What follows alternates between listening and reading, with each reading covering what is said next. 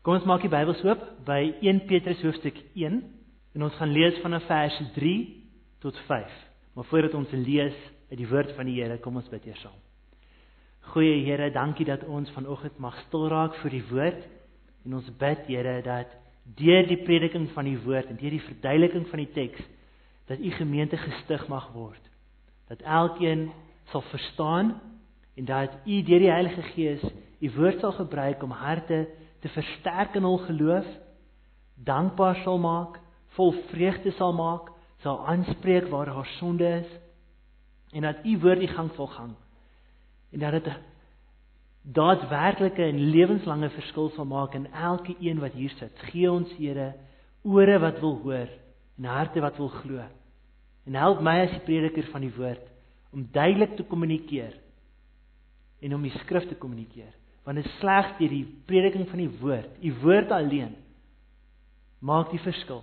My woorde maak nie die verskil nie, maar u woord maak die verskil. En ons bid dat u woord verkondig mag word van vanoggend. In Christus naam. Amen.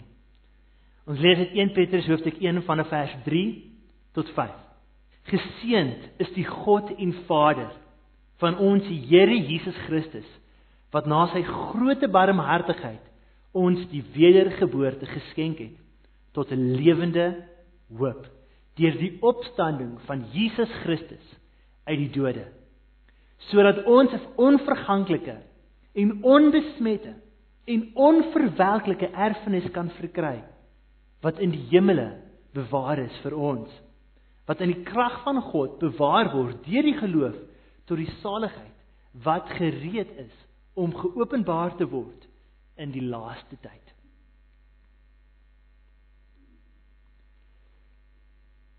Ons almal gaan deur moeilike tye soms in ons lewens. Sommige moeilike tye is byvoorbeeld as ons nie 'n verhoging kry by ons werk nie. Uh soms as gevolg van ons geloof, soms nie as gevolg van ons geloof nie, net vir ander redes. Vriende spot ons soms by die skool en by die werksplek um weer en soms vir ons geloof, soms nie vir ons geloof nie. Um sommige kere as ons van die Here praat, is daar 'n negatiewe sosiale stigma wat om ons is en um as ons ons huwelike wil inrig volgens die Here se standaarde of as ons ouerskap wil doen volgens die Here se standaarde, is daar baie keer hierdie sosiale stigma. Mense dink negatief van ons. En, en daar's daar's vervolging vir ons geloof en dan daar meer ehm um, algemene probleme wat ons elke dag ervaar. Ehm um, soos ons ons word ouer. Ehm um, en met ouderdom is daar seer in ons liggame. Ehm um, iemand breek dalk in of hulle steel dalk iets vanaf jou. Iemand wat naby aan jou is, ehm um, is oorlede. En al hierdie is probleme wat ek en u elke dag ervaar. En Ons wonder hoe moet ons hierdeur dink? Wat in hierdie sondige uh, vervloekte wêreld gaan ons hoop gee en krag gee om aan te beweeg en om sterk te staan in die midde van hierdie probleme. Sommige kere vat die Here die probleem net weg en ons bid en die Here is genadig en hy gee vir ons iets goeds. Sommige kere gee die Here vir ons iets anders te waarop ons ons gedagtes kan fokus en ons kan dankbaar wees. Maar partykeer is dit daai ou wonderwerke wat die Here in die verlede al gedoen het, waaroor ons weer moet dink, want dis daai werke wat die Here doen wat vir ons krag gee om deur hierdie moeilike tye te gee en wat vir ons hoop gee vir die toekoms wat voorlê. Die gemeente aan wie Petrus eh, skryf of die uh, groep waaraan Petrus skryf, het ook deur baie moeilike tye gegaan. En ek wil net van hierdie moeilike tye deur die boek van 1 Petrus net vinnig vir u uitlig om te sien dat hulle ook deur moeilike tye gaan. En Petrus dan het wat in versies 3 tot 5 sy eerste instruksies wat hy dan in die gemeente gee is om hierdie moeilike tye aan te spreek. Kyk byvoorbeeld in vers 1. Vers 1 sê hy hy skryf aan Petrus die apostel van Jesus Christus aan die vreemdelinge van die verstrooiing in Pontus, Galasië, Kappadosie, Asië en Bithynië. So hy skryf aan die verstrooiing, okay? Die wat moes vlug vir hulle geloof na hierdie sewe gebiede in um, in die Romeinse koninkryk. So hulle word die verstrooiing genoem in vers 1. Hoof vers 1 vers 1 vers 1, 1 vers 17, 2 vers 11 noem al die verstrooiing. Die wat in ballingskap is. Hoofstuk 1 vers 6, kyk hoe word hulle daar beskryf. Die laaste deel van 1 vers sê 'n kort tydjie word julle bedroef onder allerlei beproewinge. Hierdie mense aan wie Petrus skryf is bedroef onder allerlei beproewinge. Hoofstuk 3 vers 9 en vers 13. Hoofstuk 3 vers 9 en hoofstuk 3 vers 13. Vers 9 net jou laaste deel. Ehm uh, okay, vers 9 sê vergeld geen persoon kwaad met kwaad of skelwoorde met skelwoorde nie. Met ander woorde, daar's mense wat kwaad doen aan hulle. Daar's mense wat skelwoorde gee en en wys um, uitspreek teenoor hulle. Skelwoorde en kwaad. Vers 13, 3 vers 13 sê en wie is dit wat julle kwaad sal aandoen as julle navolgers is van die goeie? Daar's mense wat hulle kwaad aandoen. Hoofstuk 4 vers 1 sê hulle ly. Vers 1 sê omdat Christus dan vir ons aan die vlees gelei het, moet julle ook gewapen met dieselfde gedagte dat wie na die vlees gelei het, opgehou het met die sonde. Met ander woorde, julle het nie opgehou met die sonde nie, dis hoekom julle moet ly. Julle gaan deur lyding. Dit was hoofstuk 4 vers 1, hoofstuk 4 vers 12.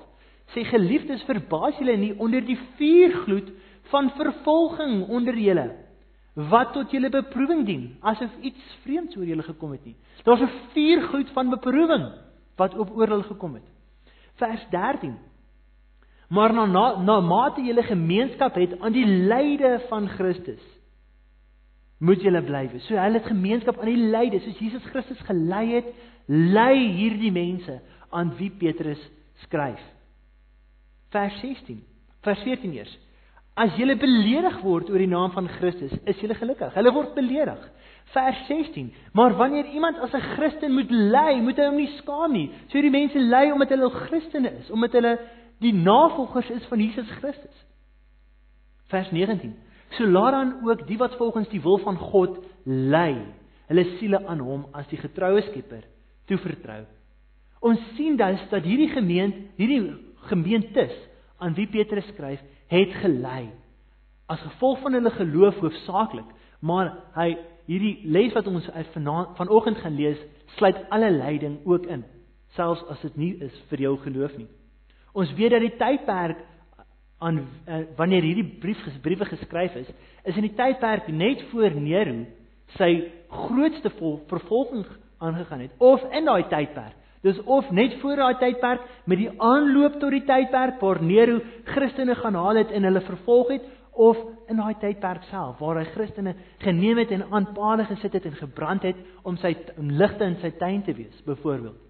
So daar's allerhande en al die mense in sy koninkryk skel Christene uit, beledig hulle families, draai teen mekaar en dis die koning homself wat hierdie ehm um, initieer. So dit gaan deur 'n baie moeilike tyd. En dis hoekom ek u gevra het, gaan u deur 'n moeilike tyd vir die geloof of nie vir die geloof nie, want as u doen, dan kyk ons na wat Petrus wat 'n bemoediging Petrus aan u gee in vers 3 tot 5 vanoggend soos wat hy hierdie mense probeer bemoedig. Ons gaan dan dis vanoggend kyk na vier redes hoekom die feit van ons gaan vier vier aspekte van die weergeboorte sien vanoggend. En al vier hierdie aspekte moet u hart bemoedig. So dis 'n antieke waarheid of is 'n is 'n waarheid wat al in u lewe al reeds gebeur het. Dis nie iets wat Jesus Christus of God vandag vir u kom doen uh of môre vir u doen iets nuuts. U kry dalk 'n nuwe werk of die persoon wat u vervolg um trek na 'n ander gebied toe. Dis nie iets nuuts wat die Here doen nie. Dis iets wat hy al reeds vir u gedoen het, maar wat die effek daarvan hou aan in die lewe en in 'n lewe wat kom. En dit is daai wat wat ons gaan kyk na vanoggend is die weergeboorte. Die weergeboorte. Iets wat Jesus God kon doen het alreeds in elke gelowige se lewe maar die effekte daarvan hou aan tot in ewigheid. So kom ons laat ek net u weer in vers 3 dit wys. Vers 3 sê: Geseend is die God en Vader van ons Here Jesus Christus wat na sy groote barmhartigheid ons die wedergeboorte geskenk het tot 'n lewende hoop deur die opstanding van Jesus Christus uit die dode. So Petrus begin sy brief met 'n groot seën tot God. Hy prys God vir die wedergeboorte. Hy begin nie deur te kla nie. Hy begin nie ook nie deur instruksies te gee, doen die of doen daardie nie, maar hy begin deur sy deur die gemeentes so oë te vestig op God en hom te prys vir iets wat hy vir elke gelowige gedoen het. Geseënd is die God en Vader van ons Here Jesus Christus wat na sy groot barmhartigheid ons die wedergeboorte geskenk het tot 'n lewende hoop. En my begeerte dis vanoggend is om u harte te verbly in God, dat u saam met Petrus en saam met die gemeentes en saam met my u harte sal verbly in God en in hierdie werk van die wedergeboorte tot 'n lewende hoop wat hy aan elke gelowige kom skenk het. En hierdie wedergeboorte tot die lewende hoop moet ons dus dan help om deur enige vervolging of enige moeilikheid staande te bly. En ons gaan spesifiek kyk na vier redes. Vier redes hoekom die wedergeboorte tot 'n lewende hoop u harte moet verbly. En soos wat dit u harte verbly en u sien wat die Here vir u vermag het deur die wedergeboorte, moet u die Here prys en moet u siele gelig word om dankbaar te wees vir hierdie geskenk wat hy hy aan u kom skenk het. Vers 3 sê geseënd is die God en Vader van ons Here Jesus Christus. Wat beteken daai woord geseënd? Voordat ons kyk na hierdie vier redes waarom die wedergeboorte in u harte moet verbly. Kom ons kyk net eers wat beteken daai woord geseënd? Geseënd is die God en Vader van ons Here Jesus Christus. Geseënd. Wel geseënd Hierdie woord geseënd is nie dieselfde as wanneer ons sê God seën ons nie. Dis nie asof So as as God ons seën, dan gee hy vir ons iets wat ons nie het nie. Maar wanneer ons sê geseënd is dit basies net die woord prys God. Eer hom, aanbid hom. Dis wat hierdie woord en dit, baie keer in die psalms word dit so gebruik waar hy sê hy seën God, hy eer God. Dis dis dieselfde as hy prys God. So Petrus roep ons op om God te prys vir hierdie geskenk van die wedergeboorte tot 'n lewende hoop. En gedurig deur in die Ou Testament en die Psalms en die Nuwe Testament het karakters, Bybelkarakters net gestop en tyd geneem en God geprys vir wat hy vir hul kom vermag het. En vanoggend wil Petrus u aanmoedig om God weer te prys vir iets wat hy reeds gedoen het, iets groots, 'n wedergeboorte tot 'n lewende hoop. En hierdie verse is nie net bedoel om God te prys nie, Maar hy skryf dit natuurlik om hierdie mense te bemoedig in hulle stryd. En soos wat dit hulle sal bemoedig in hulle stryd, motiveer hy hulle om te kyk na God en te sê God, dankie. En dit is hoekom hulle wil met God prys. Hy sê nie vergeet van julle beproewinge, vergeet van die moeilike dinge waardeur hulle gaan. Prys God, fokus net op God. Dis nie wat hy doen nie. Hy hy minag nie hulle omstandighede nie. Wat hy wel doen, is hy sê in julle omstandighede het die Here vir julle iets gegee om julle te help deur hierdie moeilike omstandighede. En dis hoekom julle moet God prys. En dis hoekom ek Petrus God prys. So hy minag nie dit nie. Hy hy rig hulle op wat die Here vir hulle gee en dan 'n natuurlike reaksie daarop is seën God. Prys God vir hierdie wonder weergeboorte tot 'n lewende hoop wat hy ons gegee het om hierdeur te kom. Wat is hoop? Kom ons kyk daarna, want Petrus sê geseënd is God wat vir ons die wedergeboorte tot 'n lewende hoop gegee het. Wat is hoop? Wel, hoop is die wete dat iets gaan beter word. 'n uh, beter uitsig na, na die toekoms. Iets in die toekoms gaan beter wees as wat dit nou is. In die terme van die skrif is dit altyd iets wat seker is. Dis altyd bevestig. Daar's nie miskien gaan ek hierdie kry of dalk kry ek hierdie geskenk vir Kersfees nie. Dis altyd iets seker. En ons as gelowiges het die Here 'n hoop kom gee. Deur die wedergeboorte het hy vir ons 'n hoop kom gee wat seker is. Iets gaan beter word. Iets gaan dramaties verander en hierdie hoop wil God hê moet ons help deur die moeilike omstandighede. Hoekom is hierdie hoop so belangrik? Wel, dit bemoedig ons, maar dit ook versterk die siel. Blaai gou saam met my na Psalm 43 vers 5. Sê wat buig jy jou neer o my siel en wat is jy onrustig in my? Hoop op God want ek sal hom nog loof, die verlossing van my aangesig en my God. So hy sê siel, hoekom is jy so hartseer? Hoekom is jy so depressief? Hoop op God. Hoop op God. Nommer daaroor. So hoop, wat is hoop vir ons? Hoop versterk ons siel. As dit moeilik gaan, as ons depressief is, as ons hartseer is, dan praat met jou siel en sê hoop op God. Jesaja hoofstuk 40, kom ons begin vinnig sien toe ook. Jesaja hoofstuk 40 sê dieselfde. Praat van uh die Israeliete toe hulle in Babiloniese ballingskap sou wees.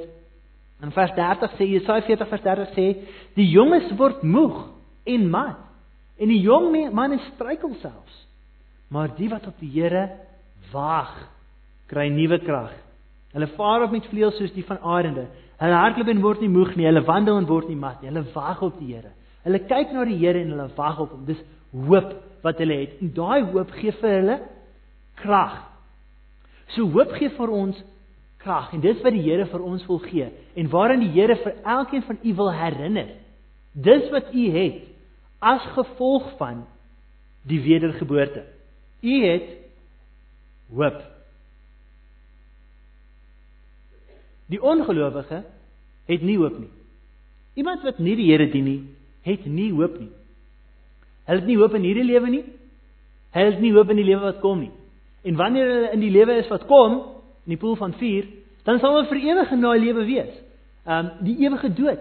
En dit na 'n miljoen jaar van brand in die poel van vuur sal hulle nooit nader wees aan die einde nie. Dis in my opinie die slegste deel van die hel.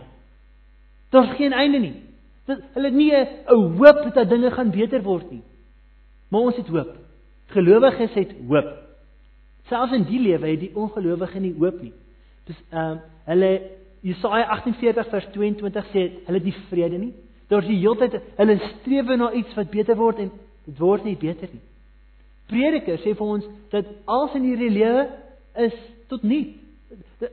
Hulle hulle vermag niks selfs in hierdie lewe nie. En al wat waarna hulle kan uitsien is 'n oordeelsdag. Prediker hoofstuk 12 sê byvoorbeeld dat elke daad gaan geoordeel word. Hebreërs 9 vers 27, dit is bestem van die mens om eenmaal te sterwe en daarna die oordeel. So die ongelowige het nie hoop nie. Maar die gelowige, die wat wedergebore is, het hoop. En dit daarna waarna ons vandag kyk. En blaai terug na 1 Petrus 2 weer asseblief. 1 Petrus hoofstuk 1 Ons is wedergebore tot 'n lewende hoop. Die wedergeboorte en die lewende hoop in die teks gaan hand aan hand. Die twee moenie van mekaar geskei word nie. Die teks is nie bedoel dat ons kyk na die wedergeboorte en sê, "Wow! Kyk hoe wonderlik is die wedergeboorte." Dis darem maar wonderlik.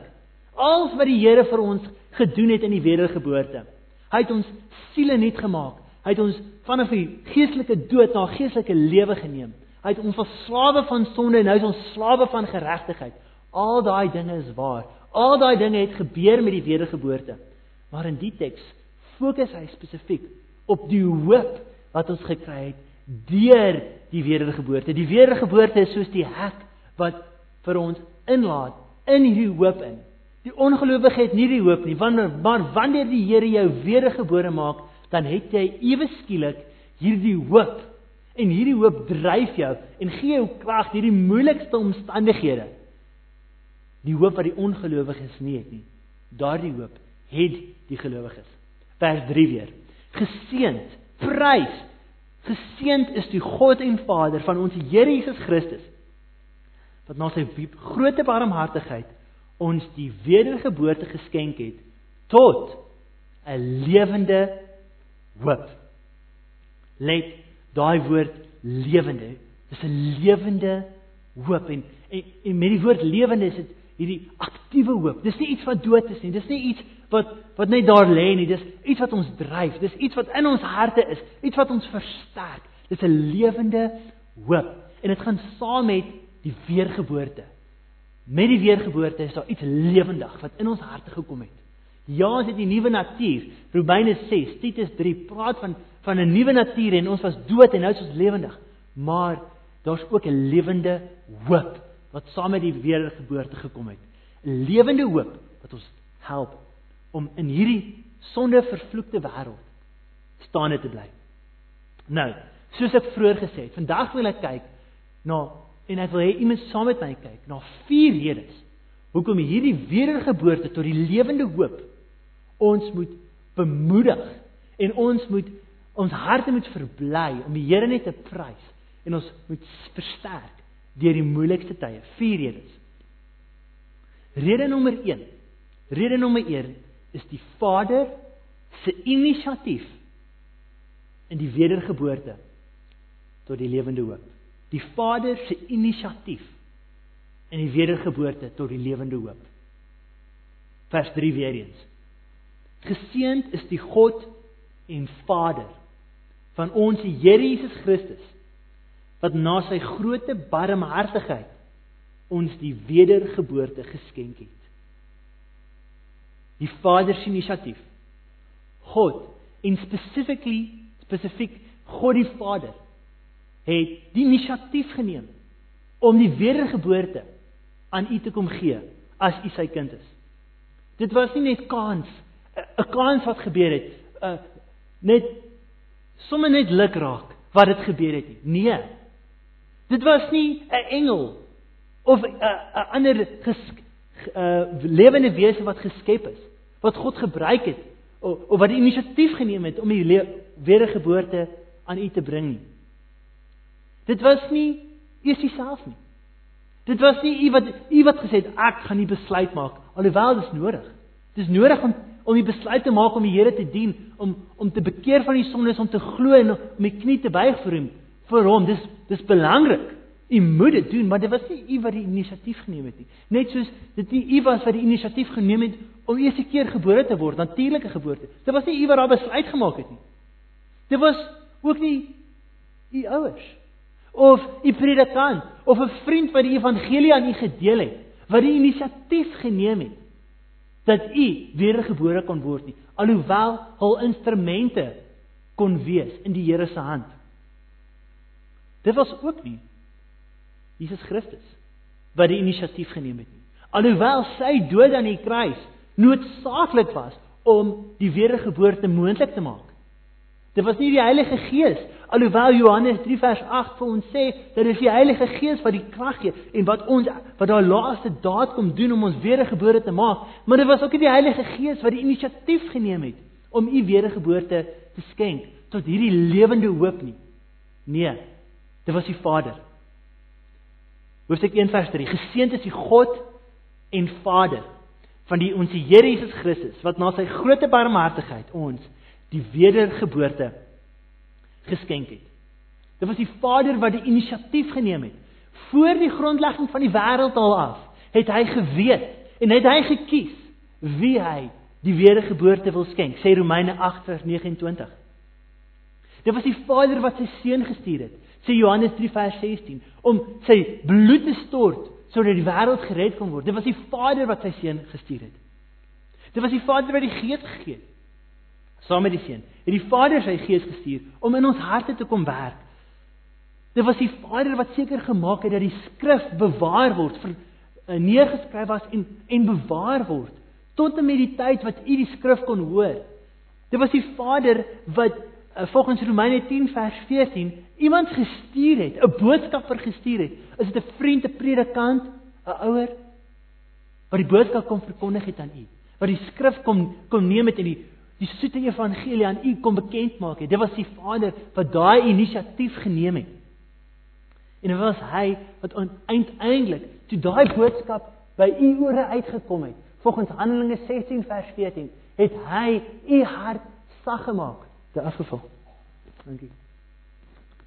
Het hy uiteindelik u hart sag gemaak om te glo en om u weg te draai en het hy 'n bekering 'n oortuiging van u sonde uh, aan u geskenk en die oë oopgemaak om te verstaan sodat u sou glo.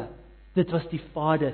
Hy het die inisiatief geneem en hy het die hele proses gedryf lank voordat u ooit gebore was, gesondig het of voordat die eerste mens selfs die wêreld in sonde laat beland het. En dit wat u harte laat verbly.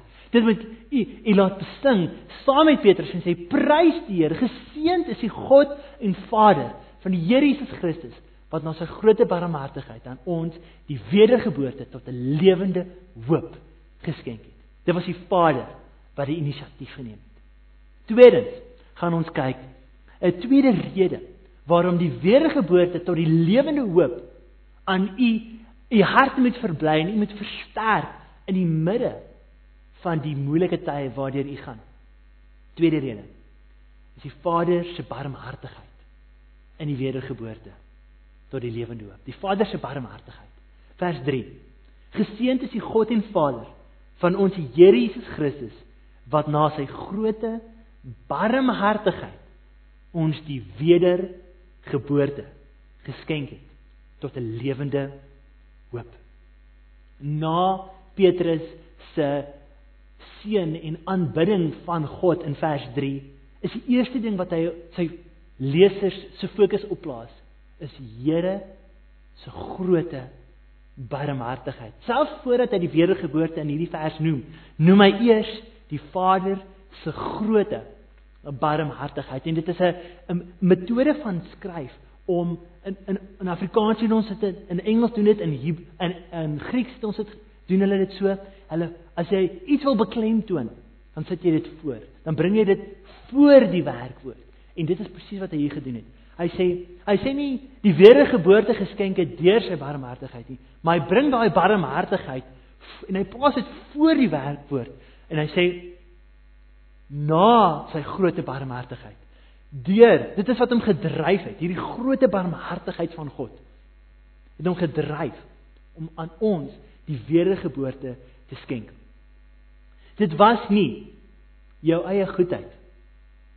Dit was nie al wat jy in jou lewe vermag het, selfs vir die Here. Jou evangelisering, jou heilige lewe. Dit was ook nie jou kerk bywoning nie, alhoewel goeie werk, lang naweek, skoolvakansie, julle is almal hier, dis goed. Maar dit was nie dit wat gemaak het. Die Here het nie gedink, "Wow, jy gaan eendag kerk bywoon." Sekerlik moet ek vir jou hierdie wedergeboorte tot 'n lewende hoop skenk. Dit, dit was dit wat die Here gedryf het nie. Dit was sy barmhartigheid, uit sy genade uit sy liefde. Dit was nie jou Bybel lees nie, alhoewel ons moet ons Bybels daagliks lees, gereeld tyd daarin spandeer. Dit was nie jou getroue gebeds lewe. Jy die vloer, die huisvloer sulke duitjies in soos wat jy al net daar sit en bid. Dit, maar dit was ook nie dit nie. Dis goed, jy moet baie tyd spandeer om te bid. Bid altyd deur, maar dit was nie dit wat die Here gedryf het om jou die wedergeboorte te skenk nie. Uit sy barm barmhartigheid uit. Uit sy groot barmhartigheid het hy die wedergeboorte aan sy lesers, Petrus se lesers, aan Petrus self, aan my en elkeen wat die Here Christus dien, geskenk. Inteendeel, inteendeel in in in in stryd met ons wat dink ons het 'n goeie lewe, sien ons in Efesiërs hoofstuk 2 vers 1 tot 3 dat ons dood was in ons sondes. Ons het die die prins van die donkerte het ons gedien. Ons het die die die koers van die wêreld gevolg. Ons was ver weg van God. Ons het nie die goeie lewe geleef wat jy dalk of u dalk dink u het gelewe. Ons het nie. Blaai saam, dit was Efesiërs 2 vers 1 tot 3. Blaai saam met my na Titus hoofstuk 3 toe. Ons sien ons dieselfde. Titus 3 vers 1 en 2, ons sien ons ons is ons het nie daai goeie lewe geleef wat ons altyd gedink ons het gelewe nie. Titus 3 vers 1 sê herinner hulle daaraan om onderdanig te wees aan owerhede en magte en om gehoorsaam te wees, bereid tot goeie werke. Om niemand te belaster nie. Nie strydlustig te wees nie. Vriendelik te wees en aan alle aan alle mense sagmoedigheid te bewys. Want ons was ook vroeër onverstandig, ongehoorsaam, op 'n dwaalweg verslaaf aan allerlei begeerlikhede en singenot. Ons het in boosheid en afguns gelewe. Ons was haatlik en het mekaar gehaat. Maar toe die goedertierenheid van God ons verlosser en sy liefde tot die mens verskyn het, nie op grond van ons werke van geregtigheid wat ons gedoen het nie, maar na sy barmhartigheid het hy, hy ons gered deur die bad van die wedergeboorte. Nie omdat ons goed was nie, inteendeel ons was baie baie sleg. Het die Here gekom en na sy groote barmhartigheid en sy goedertierenheid het hy kom bewys deur sy deur ons die wedergeboorte te kom skenk. As ons dink aan die regverdige natuur van God en dat hy elke sonde sal straf en geen sonde ongestraf laat bly nie, laat dit sy barmhartigheid net soveel mooier lyk. Prediker hoofstuk 12 vers 14 sê byvoorbeeld dat hy elke daad sal oordeel, selfs die wat in die geheimenis gedoen word, goed en sleg. Hebreërs 9 vers 27 bestem vir mense om eenmaal te sterwe en daarna die oordeel. Elke sonde sal gestraf word. En hierdie geregtigheid van God, hierdie heilige natuur van God, maak dat ons sê, "Wow! Kyk net sy barmhartigheid teenoor my, dat hy aan my hierdie sondaar as gevolg van Jesus Christus se kruisdood, as gevolg van sy barmhartigheid my iets so wonderlik soos 'n wedergeboorte skenk wat aan my die lewende hoop gee.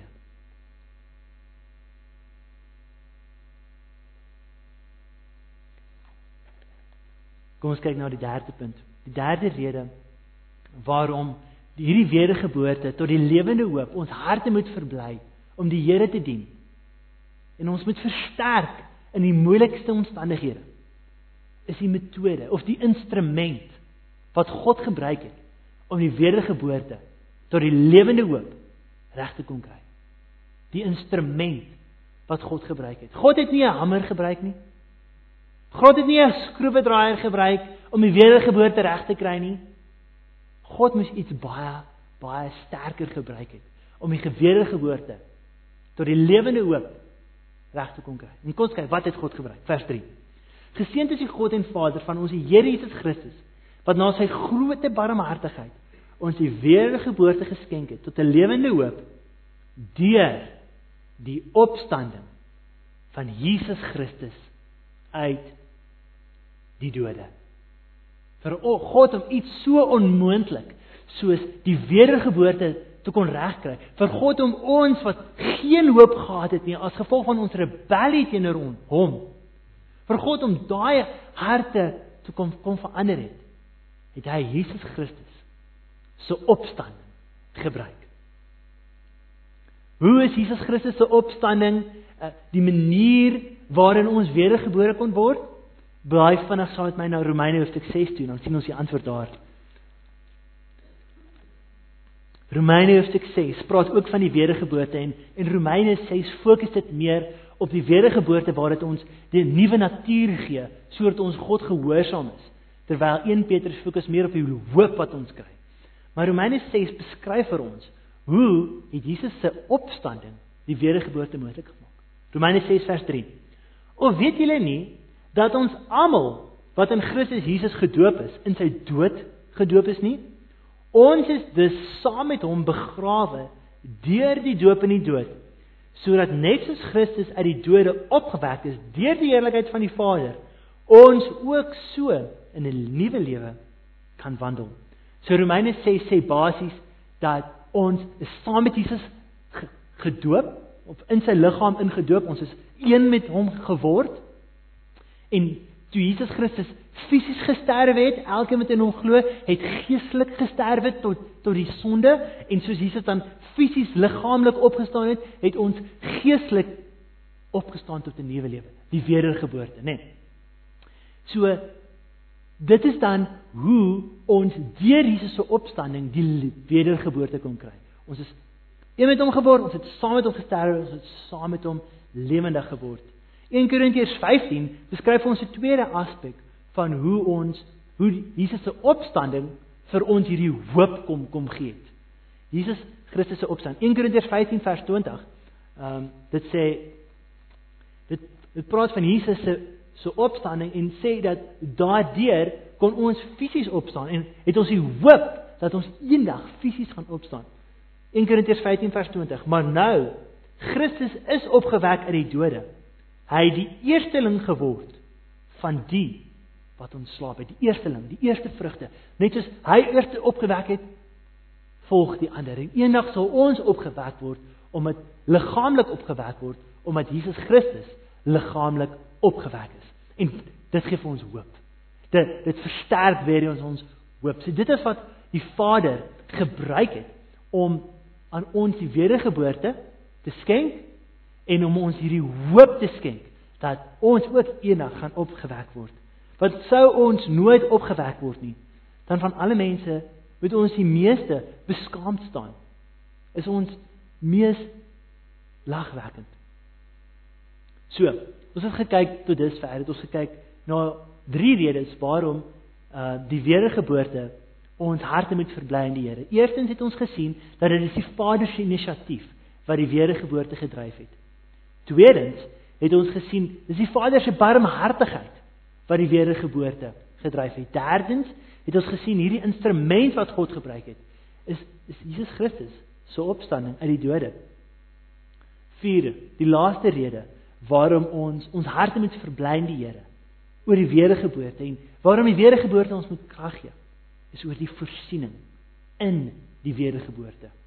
Die Vader se voorsiening in die wedergeboorte tot 'n lewende hoop.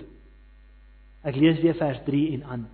Geseënd is die God en Vader van ons Here Jesus Christus wat na sy groote barmhartigheid ons die wedergeboorte geskenk het tot 'n lewende hoop deur die opstanding van Jesus Christus uit die dode sodat ons 'n onverganklike en onbesmette en onverwerklike erfenis kan verkry wat in die hemele bewaar is vir ons wat in die krag van God bewaar word deur die geloof tot die saligheid wat gereed is om geopenbaar te word in die laaste tyd.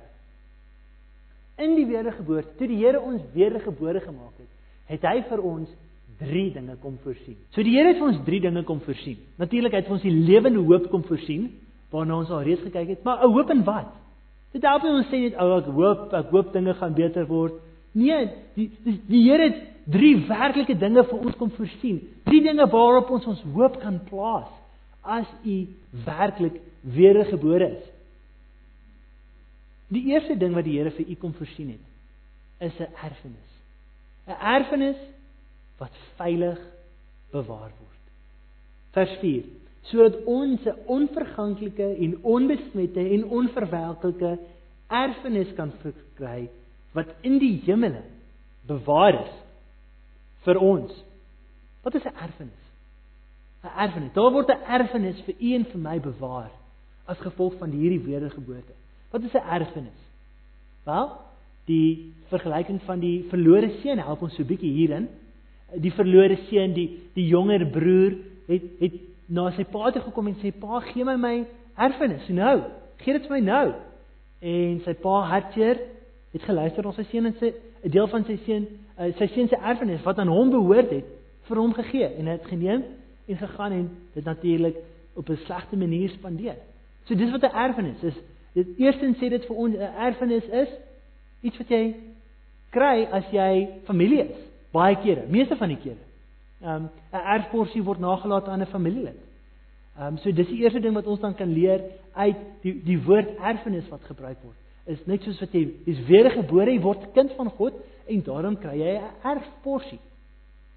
'n Tweede ding wat ons leer uit die die woord erfenis is, dat 'n erfporsie is iets kosbaar, is iets baie keer groot en is iets kosbaar wat aan jou nagelaat word. En veral as dit spesifiek genoem word en beklemtoon word dan dan is hierdie erfenis iets waarna jy regtig kan uitsien. Dis iets goeds en iets groots. En 'n derde ding wat ons leer van die woord erfenis is dis iets wat jy kry op een slag. Jy kry nie erfenis oor 'n lang tydperk hier nie. Dis iets wat jy eenmalig kry en vir die wat glo in die Here Jesus Christus, weet ons ons sal dit eendag kry as ons sterf of of eendag as jy weer wegraap en vasgevind het dan en ons voor die Here staan, dan sal ons hierdie erfenis kry en die Here sal dit aan ons toevertrou of gee. Maar is hierdie erfenis wat ons kry, Is dit regtig iets kosbaars? Is dit regtig iets waarop ons ons hoop kan plaas? Is dit regtig iets waarna ons kan uitsien? Ja, ons kan. Dis dis iets baie kosbaar. Uh Peter gee vir ons vier beskrywings van hierdie erfenis. Ek gaan vinnig dit met julle deurgaan. Die eerste beskrywing daar in vers 4 sê sodat ons 'n onverganklike erfenis kan kry. 'n Onverganklike erfenis. Hierdie erfenis is onverganklik. Dit sal nooit breek nie. Dit sal nooit vernietig word nie. Anders as alles wat u om u sien. U kar sal vergaan. Daai mooi nuwe kar wat u onlangs gekoop het en uitgery het en so groot geglimmer, dit sal vergaan. Dit sal roes kry, dit sal breek. U huis staan nog sterk met klip en steen, maar dit gaan breek. Dit gaan vergaan en eendag gaan dit ook nie meer wees nie. U gesondheid sal vergaan. Ehm um, veral soos dit mens ouer word, maar ook deur siekte heen. Dit vergaan. U besigheid, dalk bestuur jy eie besigheid of jy werk vir 'n besigheid. Die skool, die die jong kinders, die skole waarin jy is, die universiteit, dit sal al vergaan. Die kwalifikasies sal vergaan. Al sal vergaan, maar hier erfenis waarna ons kan uitsien, sal nooit ooit vergaan nie. Dit sal vir ewig staan. Tweede beskrywing van hierdie erfenis wat aan ons toe uh, nagelaat is en wat wat ons sal eendag beerwe. Dit sê dis onverganklik en dis ook onbesmet. Onbesmet. Hierdie wêreld is besmet.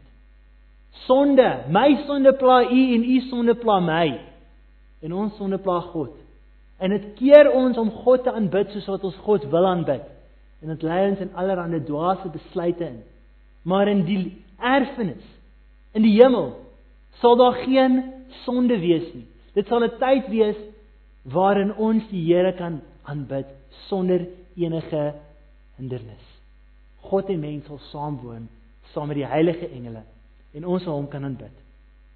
Derdens, hierdie erfenis word ook beskryf in vers 4 as onverwelklik.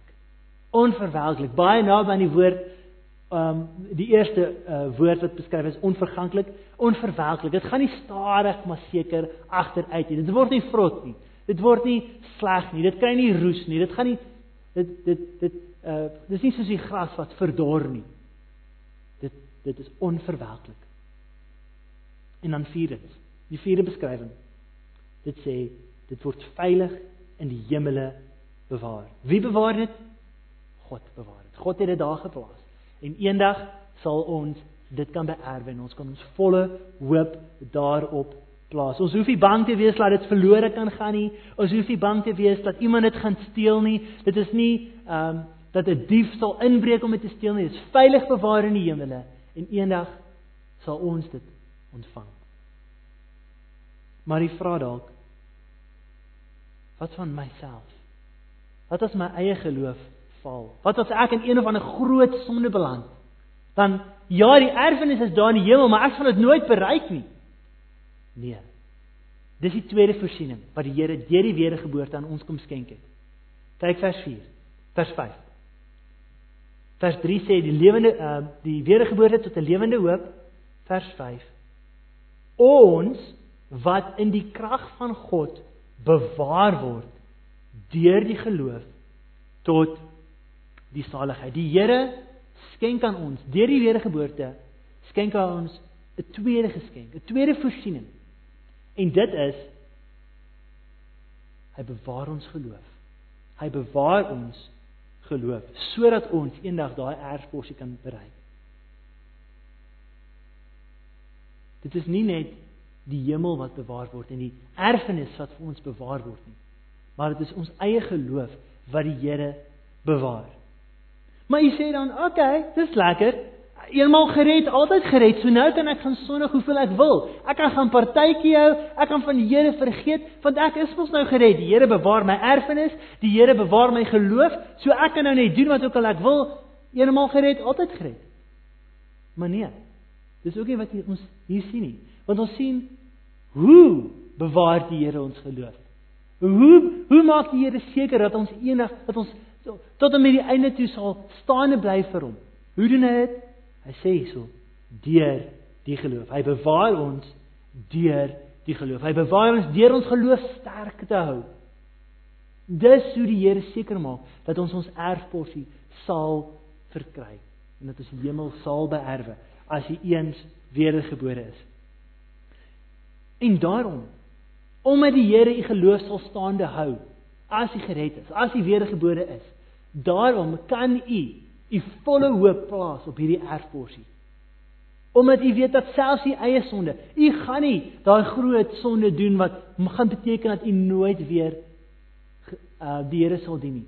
As jy eenmaal gered is, sal die Here u bewaar deur u te waarsku, deur die kerk te gebruik, deur sy woord te gebruik, deur 'n heilige lewenswyse, deur u dissipline, deur sy Heilige Gees, sal hy u geloof laat staande bly tot en met die dag wat u u erfporsie in die hemel sal bereik. So, baie beter as om te sê eenmaal gered, altyd gered, alhoewel dit waar is, is die volharding van die gelowiges. Want deur die Here se genade en sy krag sal hy seker maak dat u volhard in die geloof en staande bly tot en met die einde. En nou die derde voorsiening wat die Here aan u skenk deur die wedergeboorte is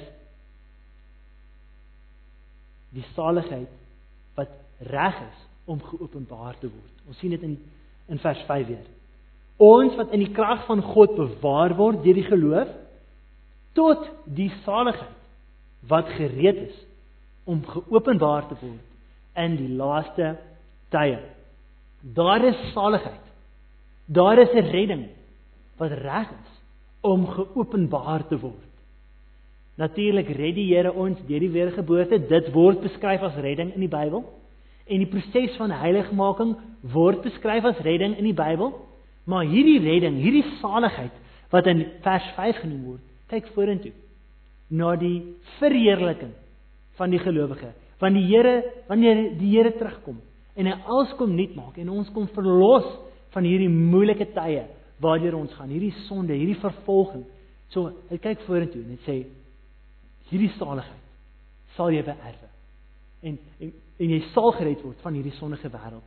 En hy beskryf dit as 'n saligheid wat gereed is om geopenbaar te word in die laaste tyd. Dis gereed. Dit kan enige tyd gebeur. En en dit maak dat ons hoop, ons ons opgewondenheid versterk word nog meer. Eendag gaan ons hierdie saligheid beerwe. Dit dit kan enige oomblik gebeur. Dit is gereed om geopenbaar te word in die laaste tyd en dit dit bring ook hierdie aspek van dis 'n misterie. Jy weet nie heeltemal wat om te verwag nie. Dit is gereed om geopenbaar te word. Ons weet al reeds baie van dit as gevolg van die wat die skrif ons sê. Maar ons weet ook baie nie nog nie en en dit dit maak ons hoop nog meer en ons opgewondenheid nog meer tot hierdie dag wanneer ons saligheid geopenbaar sal word en ons ons nuwe liggame sal kry en ons ons erfporsie sal verkry. So opsomming. In 'n wêreld vol van versoekings, sonde, druk, vervolging en ek weet nie waar jy gaan nie. Ek ken nie u lewens nie, maar ek weet verseker dat u lewe is geaffekteer met sonde. In 'n wêreld vol dinge wat ons ontmoedig, skryf Petrus aan 'n soortgelyke en eintlik 'n lesers wat nog moeiliker tye gaan om hulle te bemoedig en ons leer en ons neem onsselfde bemoediging vir ons. In so 'n wêreld skryf Petrus en hy gee hoop. Herinner hulle aan die hoop wat hulle gekry het deur die wedergeboorte. Voordat ons Here gedien het, was daar geen hoop nie.